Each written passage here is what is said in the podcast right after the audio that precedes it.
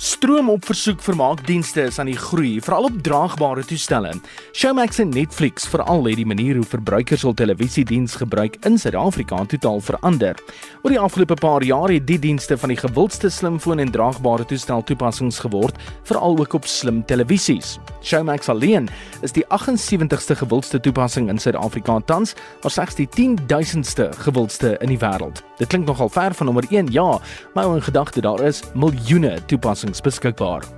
Die diens genereer 5,6 miljoen besoeke per jaar met 'n gemiddelde besoektyd van net oor die 5 minute.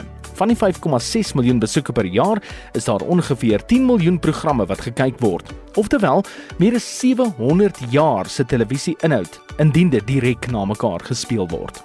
Dit terwyl die gebruiker in daai 5 minute deur byna 5 bladsye se opsies loer voor 'n keuse gemaak word. In internetterme beteken dit groot inkomste. Die gemiddelde gebruiker besoek die toepassing op webtuiste gewoonlik tussen 6 en 11 in die aand. Die gewildste dae is ook nie soos baie verwag Vrydag of Saterdag nie, maar wel Sondag veral van 8:00 die aand af.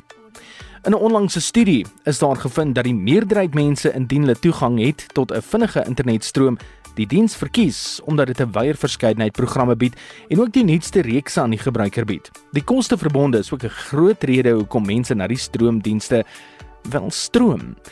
Teen 'n gemiddeld van R100 per maand is daar 'n wêreldse kykgenot vir jou, solank jou internetspoed kan byhou. Nou hiersoos waar hier probleem intree. 15% van die mense wat oor die dienste gepols is, het gesê hulle het geen idee hoe die dienste werk nie en bly dus by gewone televisie, terwyl 40% gesê het dat die koste van hoë spoed internet 'n groot struikelblok is. Die hoeveelheid internetgebruikers in Afrika groei daagliks, maar die hoë koste van data in die area van die wêreld is steeds 'n struikelblok vir diegene wat gebruik wil maak van stroomdienste. Die twee gewildste aanlyn stroomversoeke is juis vir Showmax en Netflix. In 'n studie is daar gevind dat gebruikers in Afrika ongeveer 10% van hul maandelikse inkomste aan data spandeer.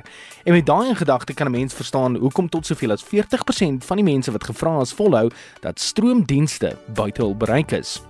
In vergelyking hiermee spandeer mense in Asië ongeveer 1,5% van hul inkomste aan hoë spoed internetdienste.